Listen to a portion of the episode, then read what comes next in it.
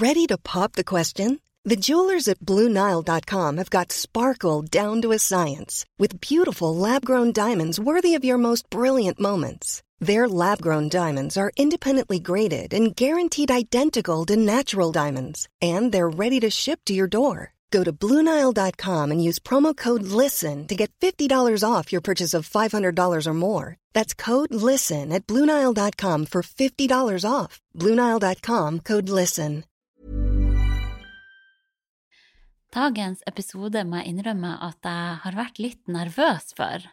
Eh, For jeg skal nemlig ta en prat med Emily Bang, som opplevde sitt livs største mareritt. De to jentene hun hadde i magen, fikk aldri mulighet til å vokse opp utenfor magen, og i dag skal hun dele si historie med oss. Og jeg tror dette blir en viktig og sterk prat, og jeg må virkelig hylle åpenheten hennes.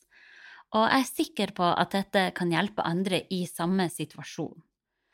Og så må jeg bare si at hvis du er gravid, eller hvis du tror at denne episoden kan skape bekymring hos deg, så anbefaler jeg at du kanskje ikke hører denne episoden akkurat nå.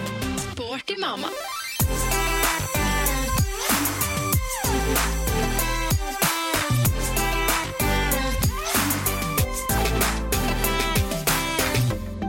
Da sitter jeg her med hun Emily på skjermen. Hjertelig velkommen i Sporty mama, Emily. Tusen takk. Jeg setter veldig stor pris på at du vil bruke den dyrebare tida di på å snakke med meg. Det er veldig hyggelig å bli er- invitert da. Ja, så bra du syns. Og ja, vi prøvde jo å få til et fysisk møte, men du bor jo faktisk helt i Levanger. Får det til å høres veldig Eh, langt bort. så- ja, Eh, Så da fant vi ut at vi måtte ta det digitalt. Eh, Så vi sitter her nå med hver vår mikrofon, så etter litt frem og tilbake her, så, så tror jeg at lyden skal være upåklagelig. jeg håper det. Ja, vi satser på det. Eh, Så Emily, har du lyst å bare starte med en intro av deg sjøl? Ja. Jeg heter jo Emily Bang. Jeg er 27 år. Jeg har bodd i Oslo i veldig mange år, siden 2014. Da begynte jeg på Mm. sykepleierutdanning og ble ferdig med det i 2017. Jobba som sykepleier et par år før jeg også ble personlig trener. Og så ble jeg havna oppi det. og siden Mm. det har jeg egentlig vært eh, coach i Strongbody. Jobber som online-coach på fulltid nå. Gjort det siden 2018. Flytta vi til Levanger eh, ja, egentlig i sommer. Jeg og min samboer Sander. Her eh, Mm. driver jo og totalrenoverer et hus. Så Ja, det har jeg ja, sett. det er full galskap. Ja, det ser heftig Ja. ut, men eh, det blir bra til slutt. Ja, vi gleder oss til å flytte inn. Ja, Mm. det skjønner jeg godt. Ja, og jeg har jo sett på Instagram at du er sykt sterk. Det jeg har jobba litt med det, i hvert fall. Ja, så eh, veldig inspirerende å følge deg. Så hyggelig. Takk. Um, og så har vi jo invitert deg i Sporty Mama eh, på grunn av de eh, spesielle historier. Du har jo opplevd ditt livs største mareritt eh, med de to jentene du hadde i magen din. Mm. Eh, men så snakka vi litt før vi gikk på lufta her, at OK, vi, vi begynner den episoden her litt sånn løs og ledig før vi kommer inn i den, den litt dypere materien. Mm. Så jeg tenker at vi, eh, vi kjører noen eh, vi, vi tar de faste spørsmålene til hver gjest først, før vi går eh, mer i dybden. Uh, ja. Styrketrening eller utholdenhet, Styrketrening. Ja, det har vi sett. Mestring òg, men helst styrke. Helst ja, styrke. det. Ja. Oppvarming eller gå rett på sak? Oppvarming. Ah, Ja, bra. den typen. Lang oppvarming. Ja, gjerne en 20 minutter der, okay. ja. Det er ikke verst. De fleste sier at de går rett på sak Nei, jeg må ha den. Det er godt. Og hva kommer vi aldri til å se deg trene? Nei, det er fryktelig vanskelig. Um, jeg tror ikke det blir noen sånn spydkaster av meg, liksom. Men eh, ellers så, så så er jeg ganske allsidig og gjør ganske mye rart. Men det er sånn spinning og sånn, det har jeg egentlig knapt vært borti, og tror heller ikke du kommer til å se meg gjøre det så mye mer. Det Nei, det kan jeg forstå. Hjemmetrening eller studio? Studio. Ja. T-skjorte eller singlet? Singlet. Sjokkis eller potetgull? Ehm, jeg tror potetgull. Oi, Ja. interessant. ja. Jeg spiser egentlig ikke så mye sjokolade. Nei. Den typen òg. Veldig. Veldig Ja. rart. Og så til slutt, hva spiste du til frokost i dag? Jeg spiste rundstykke med hjemmelagd eggsalat. Jeg fikk litt sånn påskevibes. Så hadde han jo kokte egg Ja, i kjøleskapet, det. så blanda sammen litt majones og kesam og purre og spekk. Ja. Oi, oi, oi. Ja. Koldtbord-style, det var ikke verst. Så bra. Nei, og eh, som jeg sa, du er jo eh, definisjonen på en sporty mama. Du jobber med trening og er ei skikkelig treningsjente, så eh, ja. Inspirerende å eh, følge din sporty hverdag på Instagram. Det må jeg si. Takk. Og så, ja, som jeg sa, du opplevde jo ditt verst tenkelige mareritt. Det er vel ingen Jeg vet ikke hvordan man skal få en smooth overgang til å komme inn på dette. Men eh, ja, de Du var gravid med tvillinger Mm. som ikke fikk muligheten til å vokse opp og bli to små mennesker. Mm. Har du lyst å fortelle historier med egne ord? Ja. Eh, kjempelang historie, men vi, vi ble jo gravid em, i januar i fjor. Eh, fant veldig fort Mm. ut at det var tvillinger. Um, Ja. Og fant også veldig fort ut at det var enegga tvillinger. Uh, det her er jo sånn som man ikke vet gjerne, med mindre man er meget eh, interessert eller har gått med tvillinger sjøl, at det finnes ulike typer tvillinger.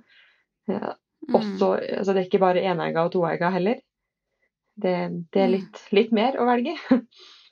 Eh, Ja. Så de kan eh, ha hvert, hvert sitt system, på en måte, eller så kan de dele ting, og så er det litt ja, ulikt hvor mye de deler og sånn. Så de her eh, typen tvillinger som vi hadde, de hadde samme morkake, men hver sin fostersekk. OK. Og Da eh, visste jo vi hele veien at vi hadde en risiko for å utvikle noe som heter tvilling-til-tvilling-transfusjonssyndrom. Det er Mm. veldig enkelt forklart at den ene tvillingen donerer blod til den andre via felles eh, blodkar i morkaka. Hvorfor det skjer, det er ingen som vet. Det, det er bare at den ene begynner å gi fra seg blodet sitt til den andre. Eh, helt uten at det har noe hensikt å gjøre.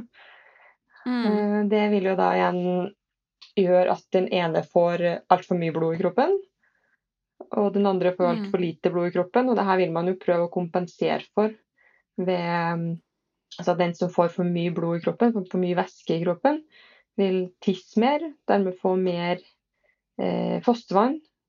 Og den andre vil jo gjøre det Mm. motsatt, prøve å holde på den væska som hun har, og, og tisse mindre, få mindre og mindre fostervann. Fostervann er jo urin. Det er jo det de svelger, Ja. og så tisser de det ut igjen på nytt. Ja. Um, så det er jo sånn man kan oppdage det. Ved å se fostervannsmengdene det blir stor forskjell på, det. Men det blir jo, Mm. er jo også selvfølgelig en kjempepåkjenning for en bitte liten kropp å plutselig ha kjempemasse ekstra blod, eller ha mangel på blod. ja. Så, Ja. så det her var jo en risiko vi fikk eh, vite om tidlig i svangerskapet, uten at det var noe vi kunne gjøre da. Um, men eh, Hvor tidlig da, sånn cirka? Eh, vi visste i uke seks at det var tvillinger. Og Ja. i uke ni var vi på første kontroll på sykehuset. Så vi visste jo egentlig om det fra uke seks. Ja. Mm. Altså at det var en risiko der, var det noe som eh, helsepersonell eh, fortalte dere? Ja, men jeg tror ikke man skjønner det, hva en risiko betyr. Alle Nei. svangerskap har jo sin risiko, hvis man kan se det sånn. Mm. Eh, Ja. og man tenker jo veldig ofte at det skjer jo ikke meg. Ja. det er lett å være så naiv. Og det er jo bra, tror jeg, at man er. Sånn sett, Ja. ja. Mm. Så vi visste jo tidlig, og da vi tok vi en privat ultralyd først. Eh, det var da allerede de så at det var to, og så ble vi henvist til St. Olavs med en gang. Og starta oppfølging der i uke ni, for da skulle vi følges annenhver uke med ultralyd eh, resten av svangerskapet, egentlig. Mm. Um, og det var et veldig fint svangerskap. Veldig Ja. lenge. Det var altså, selvfølgelig man altså, dårlig form og alt som hører med, men gjerne. Men ellers så var det liksom komme på trening etter hvert og redusert, men, men fikk gjort noe. Det var egentlig fokuset mitt i svangerskapet. At det trengte ikke å være så mye. Det var litt sånn dra på trening og gjøre tre-fire Mm. øvelser, så kan du gå hjem igjen. Da har du fått luftetur, Mm. og du har fått uh, rørt deg litt. Um, Mm. Så vi det var, det var veldig fint. Uh, jentene vokste som de skulle hele veien. Alt var helt fint. Det var ikke noe, ikke noe forskjell. Man ser jo ofte at de kan få ulik vekstutvikling. Eh, De var helt Ja. like store hele veien. Det var, det var Ja. ingenting. Um, ingenting med meg og ingenting med dem. Så hver ultralyd var bare kjempebra? Mm. Ja, alt så veldig Ja. fint ut. Man begynte liksom Mm. å føle seg tryggere og tryggere på det her, selv om jeg tror heller vi aldri hadde skjønt den risikoen som faktisk var. Um, før vi da i Nå ble det da uke ja, Vi var vel nesten 21. Mm. Eh, fikk beskjed om at det var litt forskjell på fostervannsmengde. Eh, Mm. Det, og det kan det bli, uten at det er noe Ja. ringer rødsnora av den grunn. Det kan være litt ulikheter. De er jo to Ja. personer. Eh, Så vi eh, fikk jo bare beskjed om det, og at eh, nå må vi følge med litt tettere her. Så de kan ikke vente to uker før vi tar en ny kontroll, men kom tilbake på mandag. Så Mm. gjorde vi det, og da på mandag så hadde det utvikla seg videre, og vi fikk diagnosen tvilling-til-tvilling-transfusjonssyndrom. Ja. Uh, jentene hadde det fint, og jeg hadde det fint. Jeg var sliten, men ellers så hadde jeg det helt fint. Jeg hadde, hadde treningsforbud på den, fra den første oppdagelsen, på en måte, at nå bare må du ta det med ro. Mm. Det gjorde det. Jeg gikk noen små, Ja. korte, rolige turer i nabolaget, men ellers så lå jeg stort sett og slappa av. Mm. Um, Hvordan var det å få den beskjeden da om den diagnosen? Hva tenkte du umiddelbart? raste det ganske fort. Ja. Ja. Men man har liksom fått et lite snev om at det, det kan hende at det er noe på gang her, men ting ser greit ut. Og så Ja. plutselig er det utvikla såpass. Man blir veldig redd. Mm. Mm. Og det er liksom det eneste som ikke skulle skje. Mm. Det var jo på en måte De var betrygga oss jo veldig. At eh, vi har oppdaga det tidlig, for det var jo veldig raskt. Fra det på en måte var en liten Ja. mistanke. Så Og uke 21, sa du? Ja. At dere var nå Ja. Mm. Og da, ja, så vi fikk jo diagnosen og beskjed om at nå skal vi følge med, følge med tett. Så det her var en mandag, Mm. og da skulle vi vel tilbake det? Da skulle vi tilbake på torsdag til neste Mm. kontroll. Eh, vi dro jo hjem. Det var 17. mai dagen etterpå. Ja. Så vi dro, vi dro til familien og bare var med dem og hadde en veldig rolig 17. mai-feiring. Var vel ute og lufta oss en liten Mm. tur og spiste et par iser, men ellers så var det var ganske sliten av alt. Eh, og det, jeg syns på en måte de var roligere enn de brukte å være. Jeg kjente dem veldig godt og kjente veldig godt forskjellen på dem. De var veldig ulike ja, personlighet. Oh, ja. De var veldig forskjellige i magen. Ja. Mm, Ja. mm. Så det var Hvordan kjente du det, da? Du, altså, du kunne kjenne hvem som var hvem inni ja, magen? de kan, eh, Tvillinger kan, eh, kan bytte plass på hvem som ligger øverst og nederst. Men de kan ikke bytte Ja. plass på hvem som ligger til venstre og høyre når de er så store, i hvert fall. Jeg vet ikke om de Å, kan det når de er små, kanskje, men ikke når de er så store, i Mm. hvert fall. Så har de på en måte Det er en som ligger til venstre, og en som ligger til høyre. Mm. Eh, Så det gjør det jo litt lettere å kjenne, men de var bare kjempeforskjellige. Så hun som lå til venstre, Mm. hun var veldig sprelsk og holdt på lenge. Og hun kunne vi se gjennom magen på den tida der. Så fra Mm. uke 1920 kunne vi se sparkene hennes på utsida. Oi. Ja. Eh, Holdt på, ja. Skikkelig, skikkelig aktiv. Eh, Mens hun andre, hun var litt sånn Når hun på venstresida var ferdig, så kom det et sånn skikkelig punch langt ut i sida. Da slo hun tilbake. Da var det bare sånn én sånn, Ja. en liten nok, og så bare Hei, her er jeg. Bare for Ja. å vise fram litt, og så var hun liksom ferdig. Men da kjente jeg jo det at hennes ble svakere, og hun til venstre ble sjeldnere og, og svakere, de òg, da. Uh, uten at jeg, det, var ikke så veldig Det kunne jo være litt sånn av og på, det var jo såpass så tidlig. Mm. Så det var liksom sånn Visste jo at det kunne variere litt fra dag til dag, og ut fra hvordan de lå og Mm. Men dagen etter så syntes jeg at det var nok til å ringe igjen. For jeg hadde jo blitt veldig betrygga på det at jeg skulle jo bare ringe hvis jeg følte at det var noe. Eh, Mm. Så jeg gjorde jo det. Da var det jo to dager siden sist vi hadde vært på kontroll. Det var onsdag. Eh, Så dro vi inn igjen på ny ultralyd, og da hadde utvikla seg veldig fort. Så det var jo, mine mistanker var jo helt riktig. Eh, og men det, man, man setter fem stadier på det her syndromet. Eh, hvor stadie én, der vi var på mandag, på en måte bare Jeg vet ikke akkurat definisjoner på ting, men det er i hvert fall liksom en mild, mild variant. da. Og så er det tre. Mm. Eh, hvis vi kommer til stadie tre, så er det indikasjon på inngrep. ja. Og ved stadie fem så er det død. Så det er jo det er jo egentlig en lang vei mellom de, men det også hadde gått veldig veldig fort. Og jeg var på stadie tre Mm. eh, da vi kom den onsdagen på St. Olavs. eh, Og ble Fikk jo egentlig ganske fort beskjed om at nå er det tid for å reise. For det her, ja, for det her inngrepet gjøres ikke i Norge. Oi. Det visste vi jo, så vi var jo forberedt på at hvis vi fikk den beskjeden, så måtte vi til København eller Stockholm. Hvem av delene vi skulle til, det visste vi jo ikke. Det var, de sender annenhver gang til Stockholm og København. Oh, shit. Um, så vi fikk beskjed om det, og fikk møtt sosionom som skulle ordne alt til oss. Uh, fikk telefonnummer til de vi skulle møte i København. Beskjed om å Mm. dra hjem og pakke og sette dere i en taxi og dra til Værnes. Ja. Mm. Eller først var det litt sånn, ja, vi vet ikke når dere skal reise, men mest trolig før helga. Ok. Men ja, så ble det jo samme dag, da, at vi skulle dra. Ja. Uh, Med rutefly, da, eller? Ja. Ja. ja, det Å, føles eh, ganske spesielt.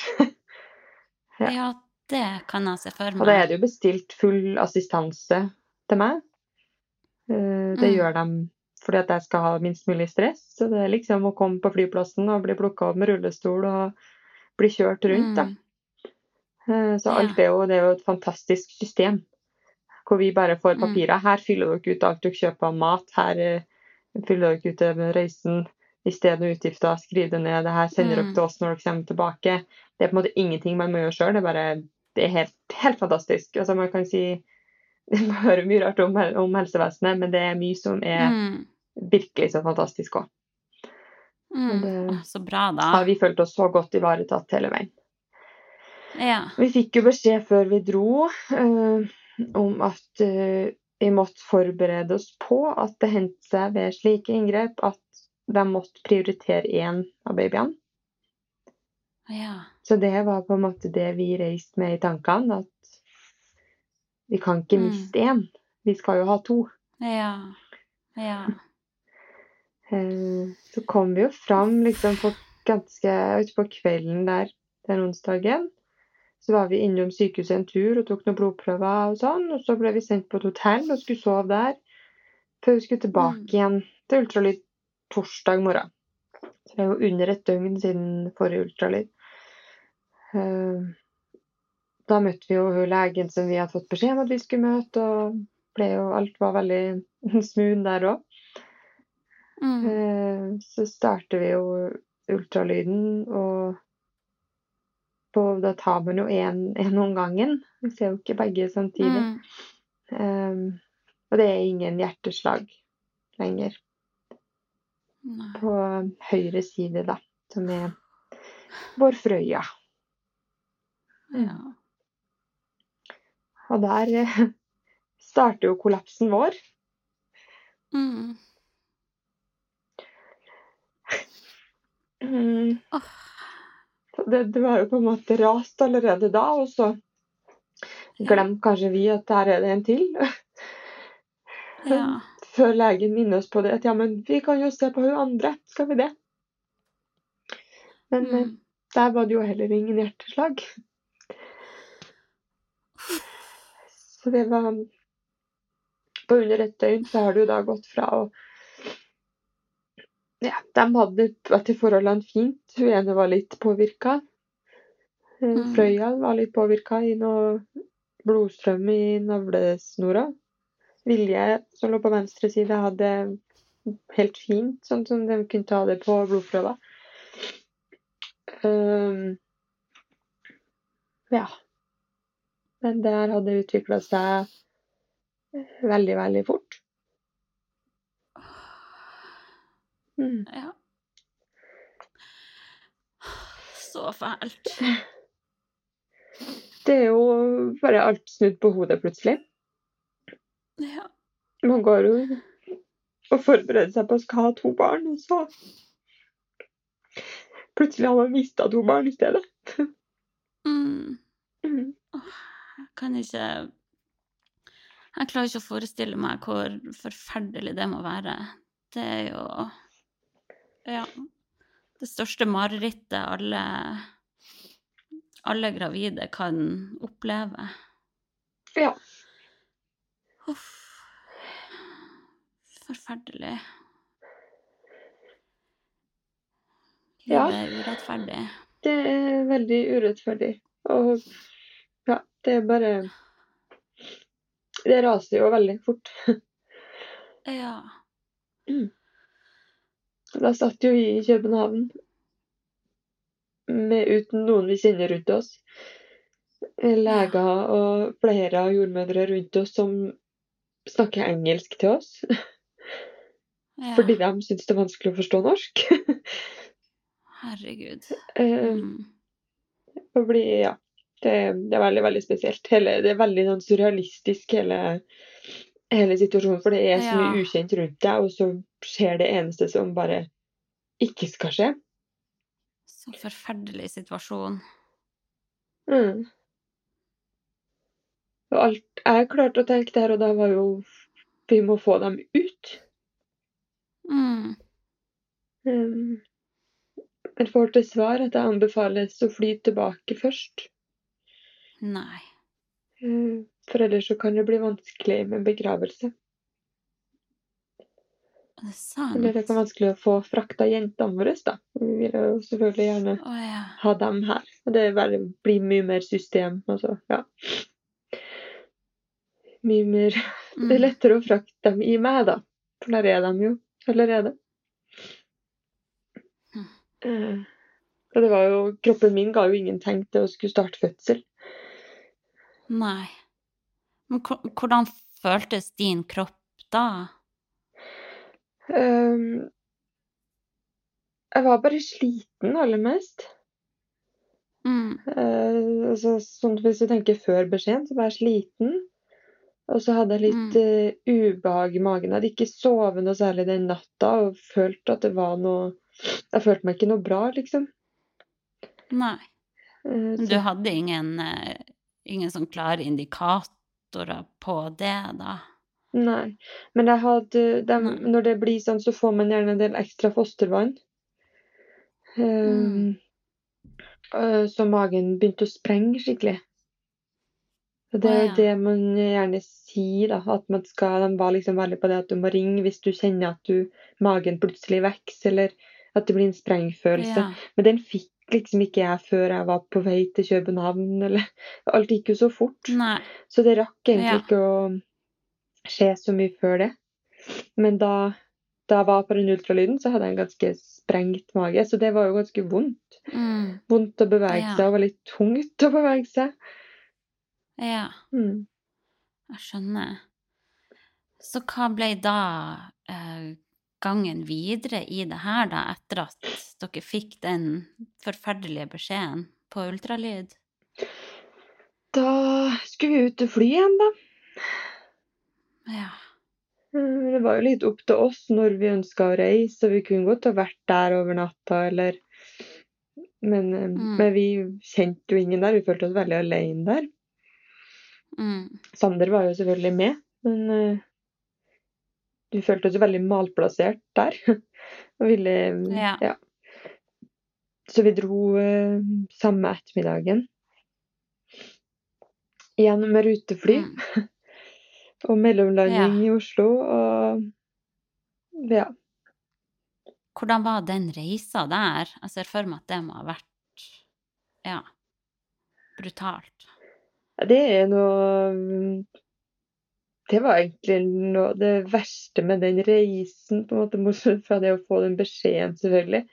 Men det å skulle Mm. sitte på et smekkfullt fly blant folk Ja. du ikke kjenner, og være så ødelagt Ja.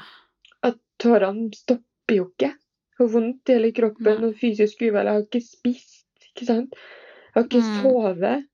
Og bare grin og grin og grin, begge to. Mm. Um, Ja. Det, det, er helt, det er helt merkelig. Og det, det er jo noe jeg sitter igjen veldig med, og som tar meg litt når jeg flyr nå i ettertid. Det er mye følelser Mm. rundt det. Og spesielt hvis det er trangt på fly, så får jeg litt sånn klaustrofobisk følelse og veldig mye tanker rundt det. Mm. Skjønner. Men vi, vi er veldig glad vi dro så fort som vi gjorde, og kom hjem, og familien kom og hentet oss på flyplassen. Og Mm. ja, fikk uh, kjørt oss rett til sykehuset. Mm. Mm. Så da kom dere Dere dro rett fra flyplassen og til sykehuset? Ja. Vi hadde jo allerede pakka det. Vi, på en måte, vi skulle egentlig være i København i noen dager, så vi hadde jo med oss litt ting. Og Mm. de hadde jo altså, sjekka jo om jeg var i fødsel før jeg dro fra København, for å være sikker på at jeg ikke skulle Mm. Eller for å være så sikker man kan være på at det ikke skulle skje noe på flyturen. Og Ja. avtalen var at jeg skulle dra rett til sykehuset igjen. Og sånn som jeg selv kanskje tenkte, så ville jeg jo helst ja, Eller man tenker ta keisersnitt og få dem ut. Eh, men det er jo ikke sånn det går. Eh, sånn at vi endte opp med å dra på sykehuset og sove der den første natta, for det begynte å bli seint, og vi hadde jo ikke sovet og ikke spist eller noe som helst. ja. Før vi da dagen etter starta fødsel. OK. Mm. De ville at du skulle føde dem, ja, og ikke Ja. ta keisersnitt. Mm. Det Hva, hva var egentlig begrunnelsen for det? Jeg, jeg tror ikke vi spurte så mye om det da heller. Eh, der er jeg kanskje òg en sånn skikkelig raring, da. Men jeg har jo alltid gleda meg veldig til å føde. Ja. Eh, og har jobba med fødsel. og jobba liksom på føde barsel på Ullevål en stund. Og jeg syns Ja, jo det her er er det mest sykepleier, så sykepleier, klart. egentlig. Så her, jeg syns jo fødsel er det mest Mm. fantastiske som finnes. Um, Mm. Jeg er liksom hun som har sett alt av jordmødrene som finnes på serie mange ganger. Jeg kjenner igjen folkene som har vært med i de seriene der. Du er en av dem, jeg ja. ikke, jeg er en av de som gjerne sitter og Mm. ser på fødsler. Ja. ja. Så det var ikke noe jeg jeg hadde grua meg noe til. Og jeg håpa veldig at jeg skulle kunne føde tvillingene vaginalt òg. Ja. Så da de sa at det skulle gjøres sånn, så tror ikke jeg stilt så mye spørsmål ved det heller. Men, men jeg vet jo i ettertid at det er noe de anbefaler som en del av sorgprosessen, da. Å ja. Mm. Mm. Um, ja. Så det er jo, jeg tror det er det de bruker som begrunnelse, men jeg tror ikke vi snakka så mye om det. Det var på en måte, Jeg tok det imot når de sa at det ble sånn, så syns jeg Mm. det var helt greit da. Og Ja. kanskje litt fint da, at vi skulle få gjøre det. Ja. Men vi hadde jo ikke akkurat forberedt oss på fødsel, sånn Nei. som et par. Vi var ikke Vi var, hadde jo ikke snakka så mye om det ennå. Vi var jo 22 uker på vei Nei. og Ja. ikke helt, helt klar for det. Nei. Forståelig nok. Ja, det ble Så en rask ble gangen i Ja. Hvordan ble gangen i fødselen, da? Eh, for kroppen min ga jo fortsatt ingen signal til at den har tenkt å føde. Um, Nei. Da blir man satt i gang eh, med piller, for min del. da. Mm. Først vaginalt, og deretter er det noen timer venting, og så tar man, eh, svelger man piller etterpå. Mm, Så det tok jo litt tid. Jeg tror vi starta kanskje sånn i ett-tida, og i fem-seks-tida så begynte jeg å Seks, kanskje? Så begynte jeg, så jeg er fem, jeg husker ikke. Men da begynte jeg liksom å kjenne det. Mm. Og deretter gikk det ganske fort. Uh, Det er jo kanskje det som er litt Når det settes i gang òg, det kan bli litt voldsomt. Oh, ja. Så når det først starta, Ja. så var det ikke noe pause. Nei. Da var det ett kjør med Ria hele veien. Med Ria, ja. Ja. Mm. Så um, ja, så til ti over ni kom Vilje, og tolv over ni på kvelden der kom Frøya. Mm. Så det gikk veldig fort når det først satte i gang. Men det var jo det var ganske intense timer. mm. Mm. Så er det jo noe når man eh, skal føde et levende barn, Mm. så som man tror han skal, så har man jo en veldig fin motivasjon i det. Og det er jo ikke det jeg gleder Mm. meg veldig til å se dem og holde dem.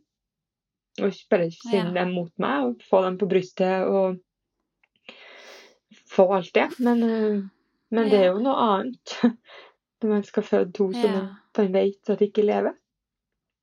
Ja. Man må liksom finne noen krefter som Jeg vet ikke helt hvor det kommer fra, men Mm. det er veldig spesielt. Mm. Mm. Det Det tror jeg på. Mm. Så da kom de ut, og du fikk dem Du fikk møte dem. Ja, jeg fikk dem rett. Hvordan var det? Hvordan føltes det? Det er veldig godt. Jeg tror det er Mm. akkurat sånn som det er for folk som får levende baby på brystet, egentlig. Mm. Der og da. Men jeg er så himla stolt. Ja. Mhm.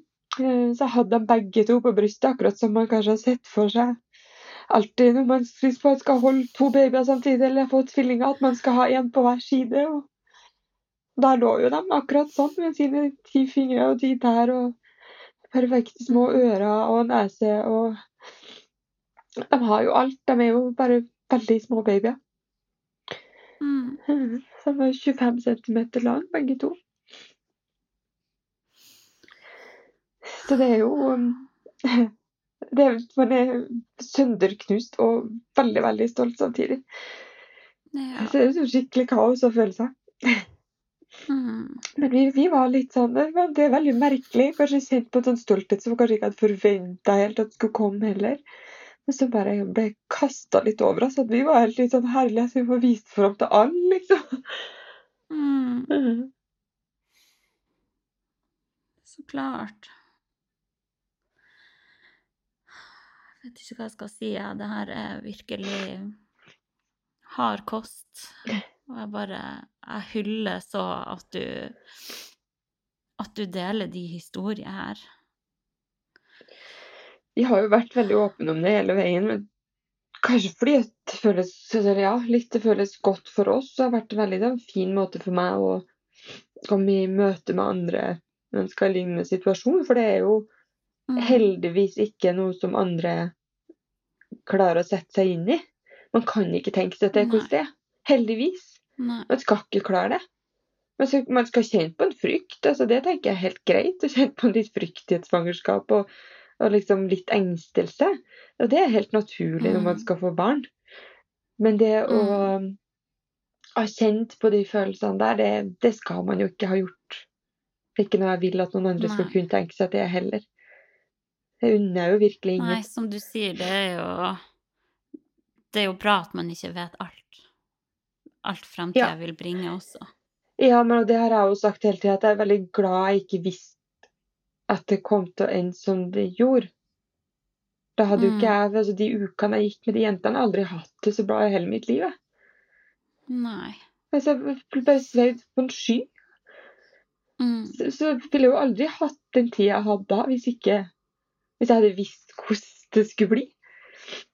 Nei, klart. Og hvordan var da prosessen videre, da, etter at du fikk disse nydelige jentene opp på brystet ditt? Vi var med dem ei stund. eh, Så satt morkaka mi fast. Selvfølgelig. Å ja. Så da var det jo litt med det. Så Sander tok jentene etter hvert. Mm. Eh, Så ble det litt jobbing med meg for å få ut den morkaka. Mm. Eh, Etter hvert så Ja, da begynte man jo å bli ganske sliten når det var ferdig.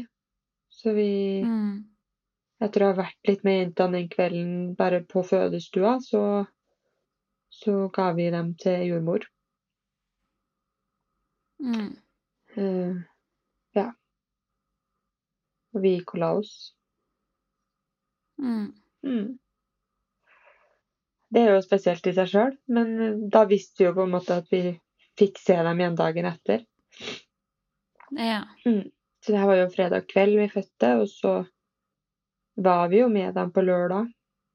Eh, hadde Ja. dem hos oss nesten hele lørdagen, Mm. eh, og store deler av søndagen.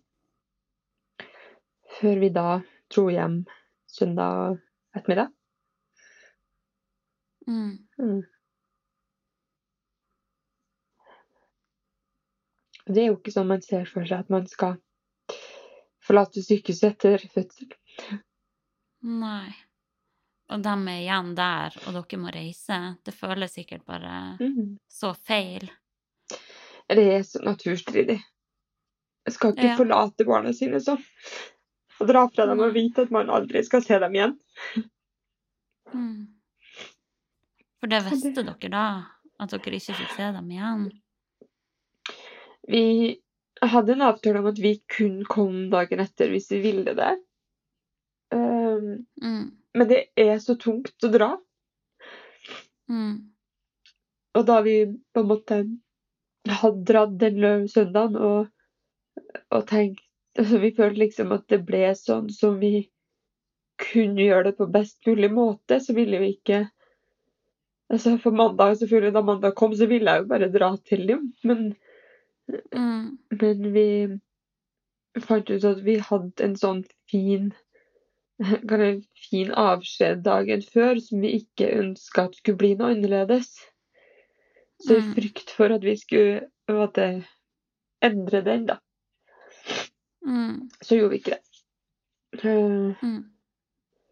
Og så ba jeg om å få se dem igjen senere. Eller før begravelsen. Mm. Mm.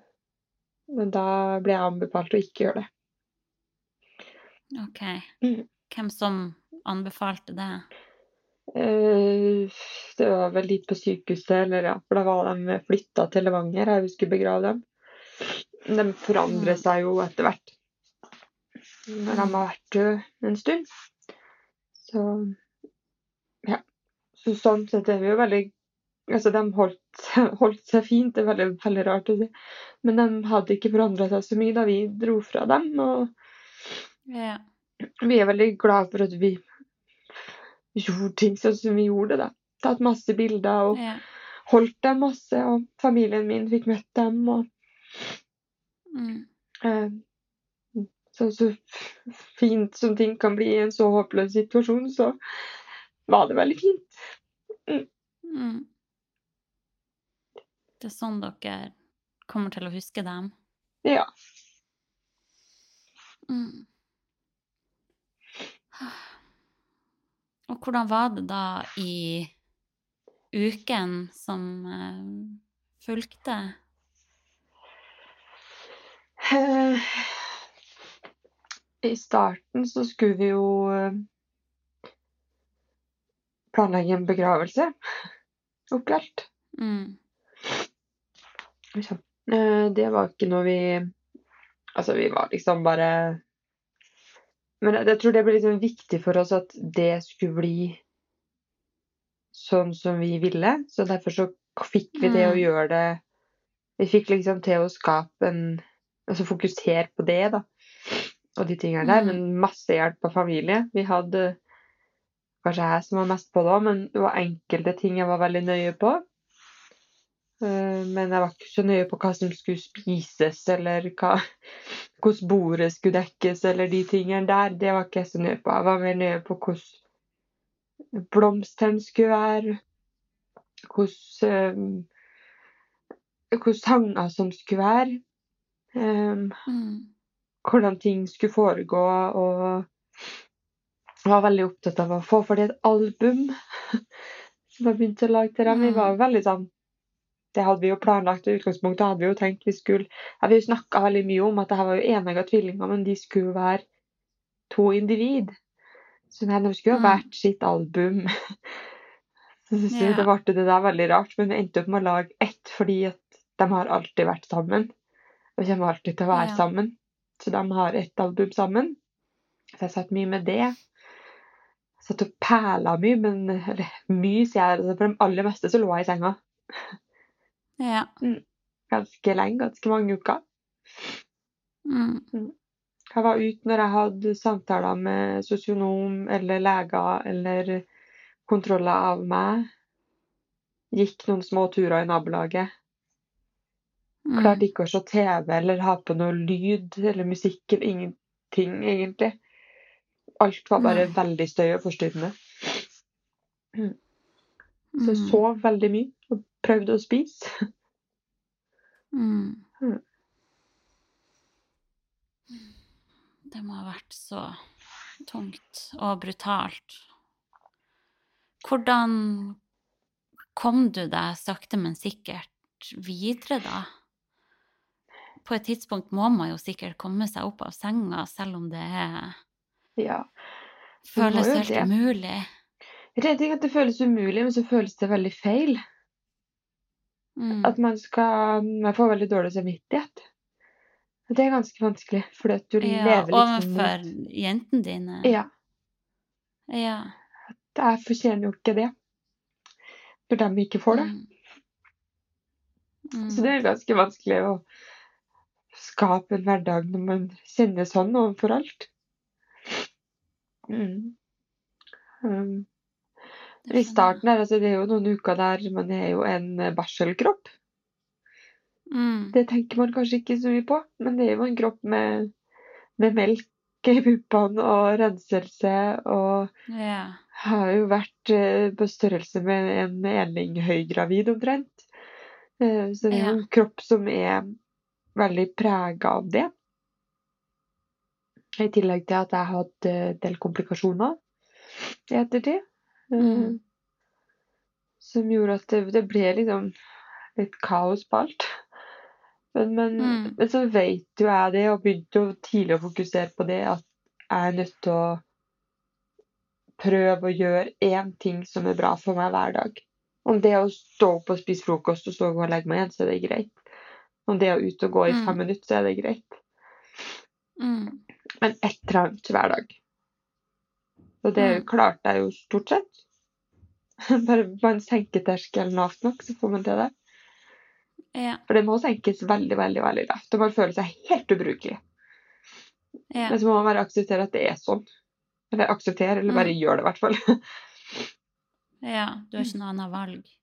Nei, tanken på å skulle lage mat var helt håpløs. så Jeg kunne stå opp og spise frokost, men det var gjerne Ja. noen andre som måtte lage den frokosten. Den Ja. lille brødskiva jeg kanskje klarte å få i meg. ikke sant? Ja. Eh, Så det er jo en helt annen person enn hva jeg kjenner meg sjøl som. Mm.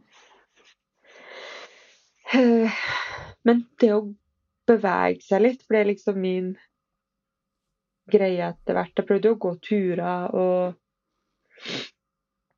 prøvde etter hvert å trene litt. Mm. Jeg ville ikke dra Hvordan på føltes det? Jeg begynte nok Jeg husker ikke akkurat hvor lenge det var. Men jeg begynte jo egentlig litt for tidlig, på en måte. Sånn Mm. ut ifra anbefalingene. Eh, Men samtidig veldig, veldig skånsomt og med, med riktig fokus, da. Så jeg har jo kompetanse der òg, men det er ikke at det er noe unnskyldning for å begynne for tidlig. For det Men man kjenner jo litt på kroppen, og jeg var veldig forsiktig. Eh, Så det var aller mest for å få en litt sånn følelse av at nå har du gjort noe i dag.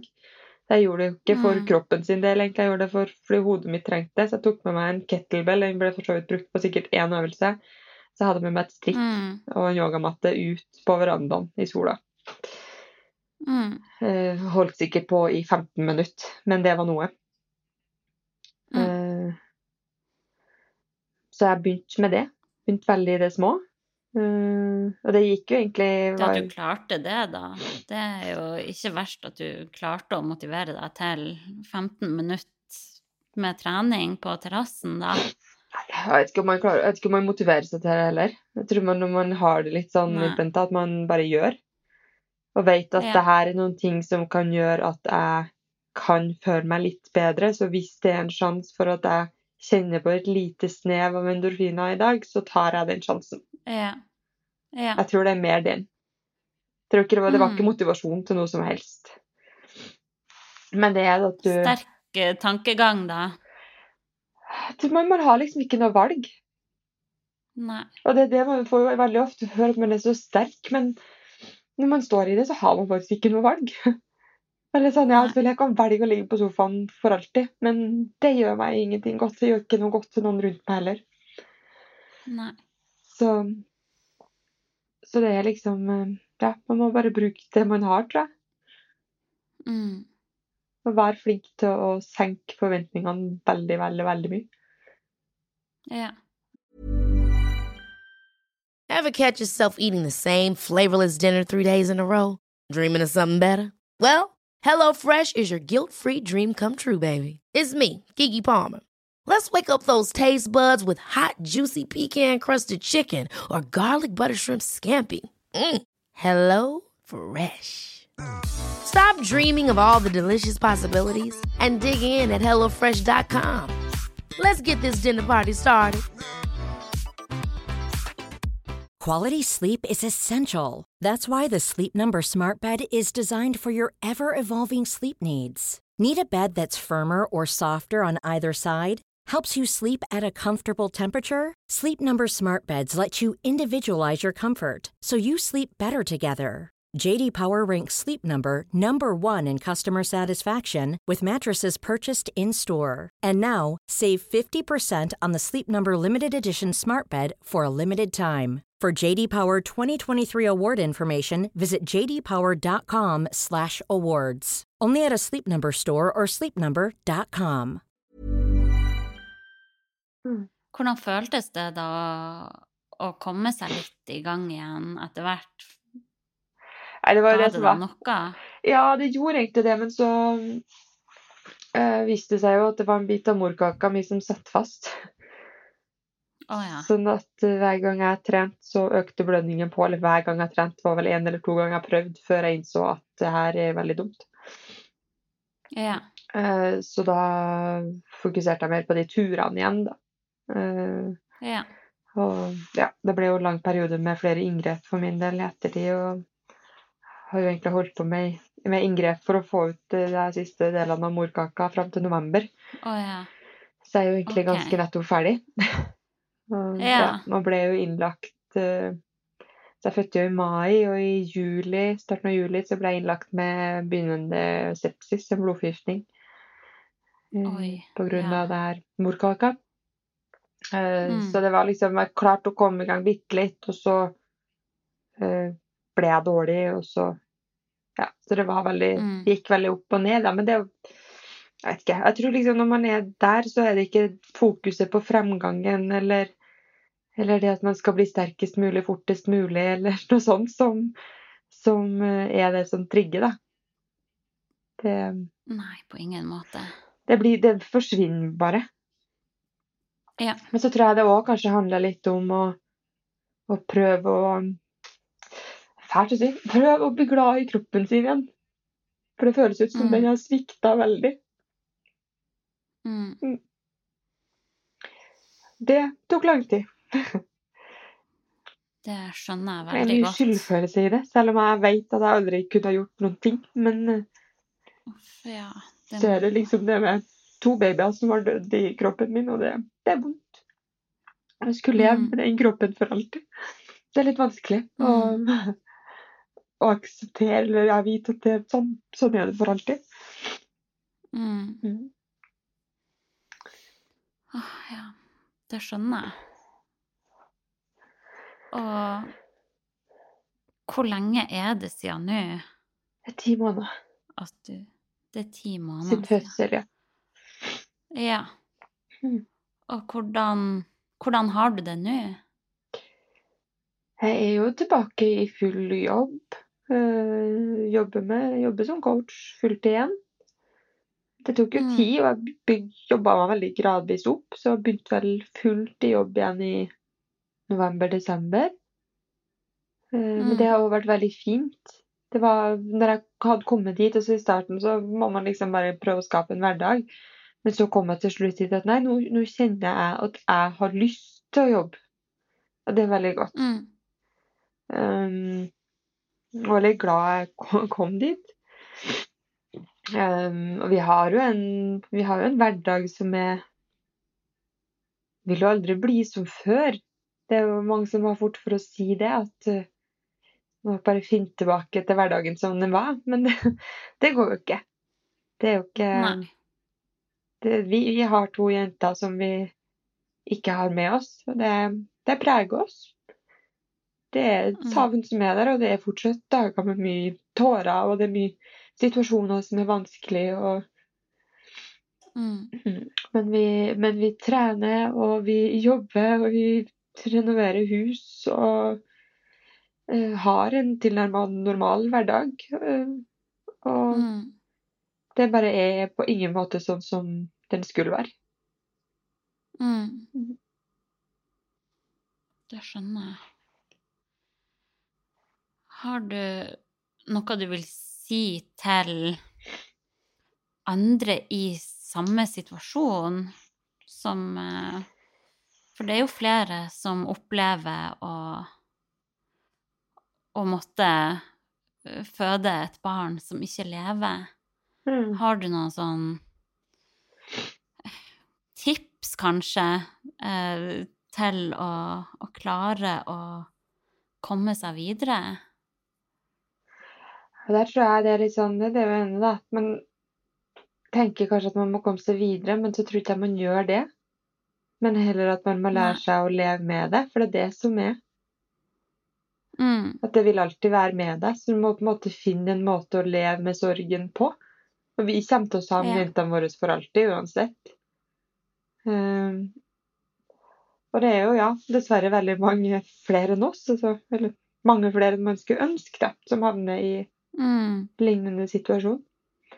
Um, mm, Og det er jo som jeg si, og det er litt derfor vi har valgt å være sånn åpne om det, fordi vi, vi tror at åpenhet kan gjøre at man kan styrke andre i lignende situasjon, for det er en veldig ensom sorg.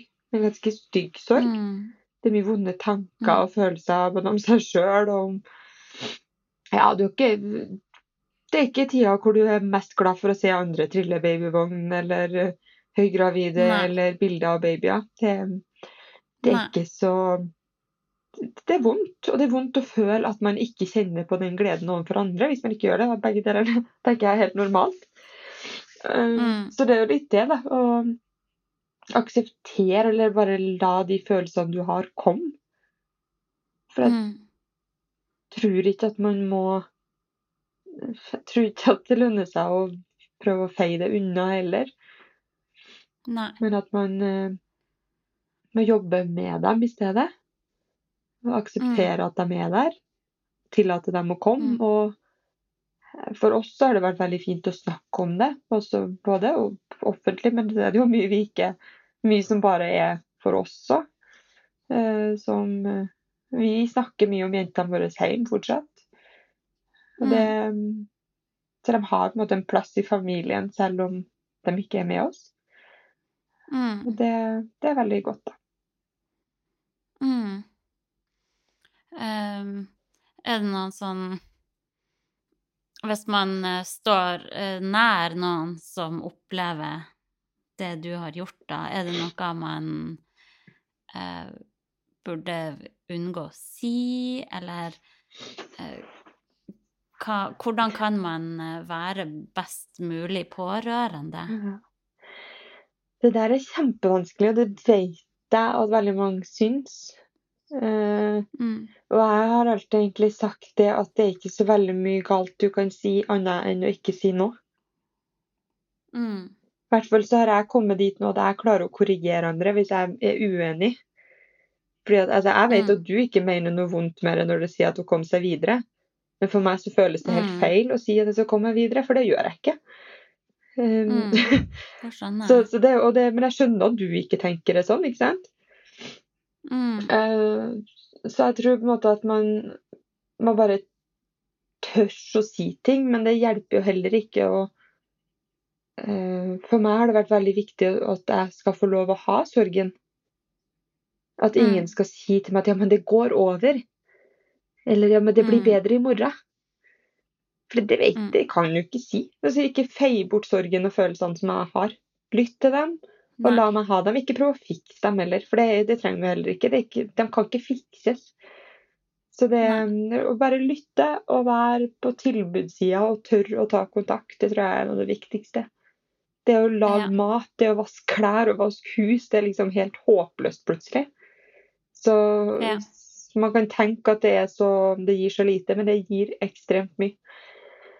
Og det tror jeg jo gjelder i sorgen uansett. Om man har mista Mm. barn eller andre.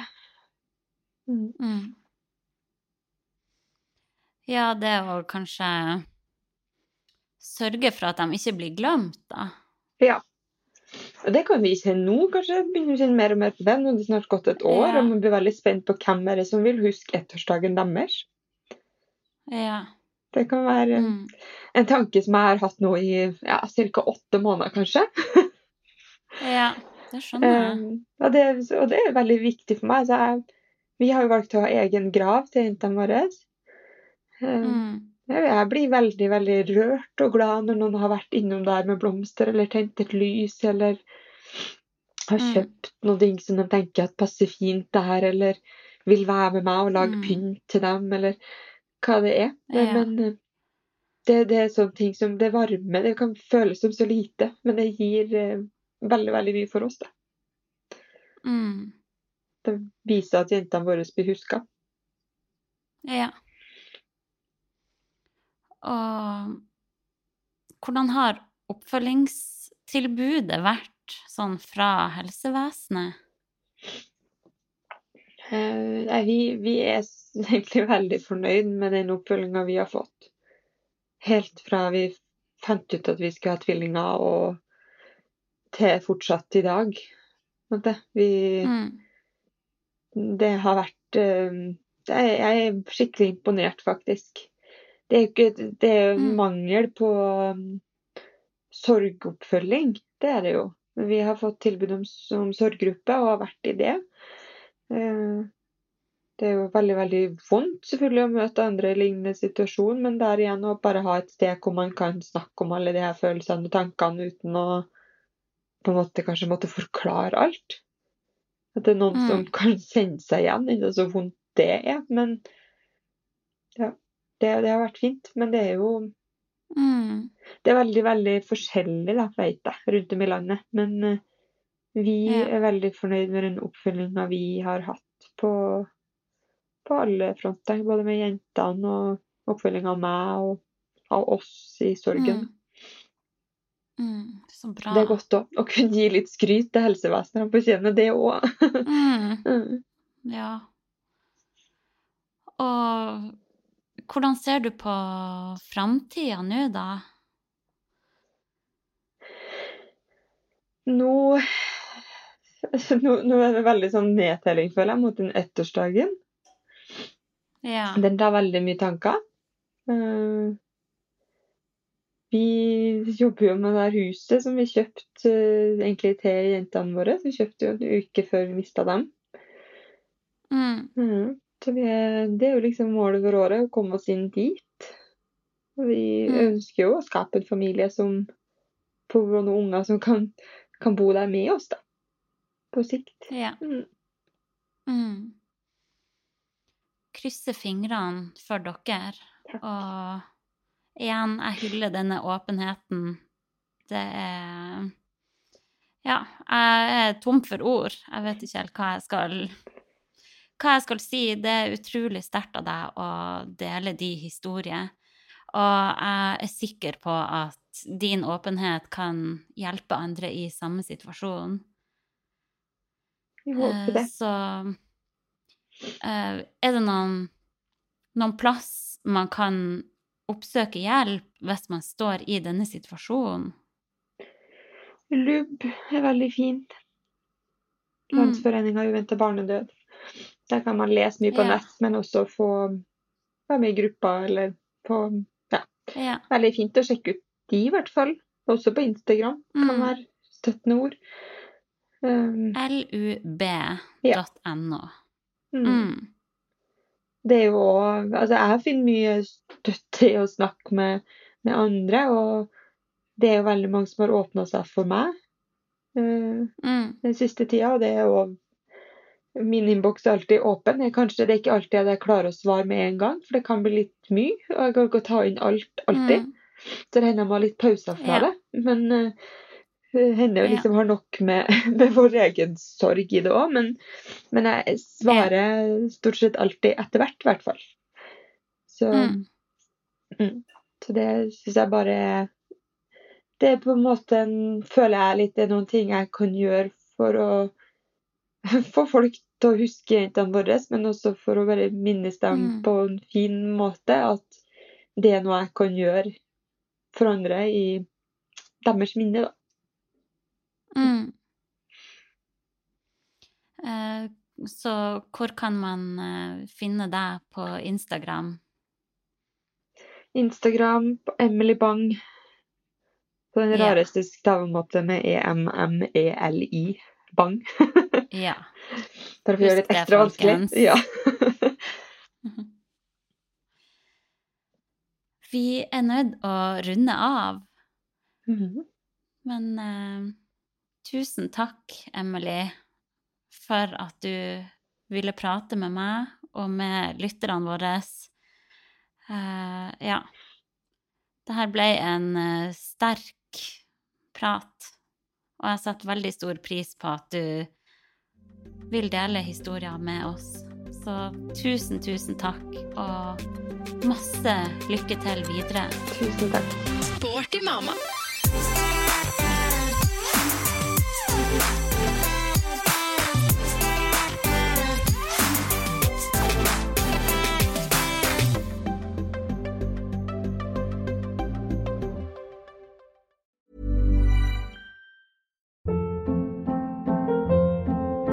Hold up. What was that? Boring. No flavor. That was as bad as those leftovers you ate all week. Kiki Palmer here, and it's time to say hello to something fresh and guilt-free. Hello Fresh. Jazz up dinner with pecan-crusted chicken or garlic butter shrimp scampi. Now that's music to my mouth. Hello Fresh. Let's get this dinner party started. Discover all the delicious possibilities at hellofresh.com.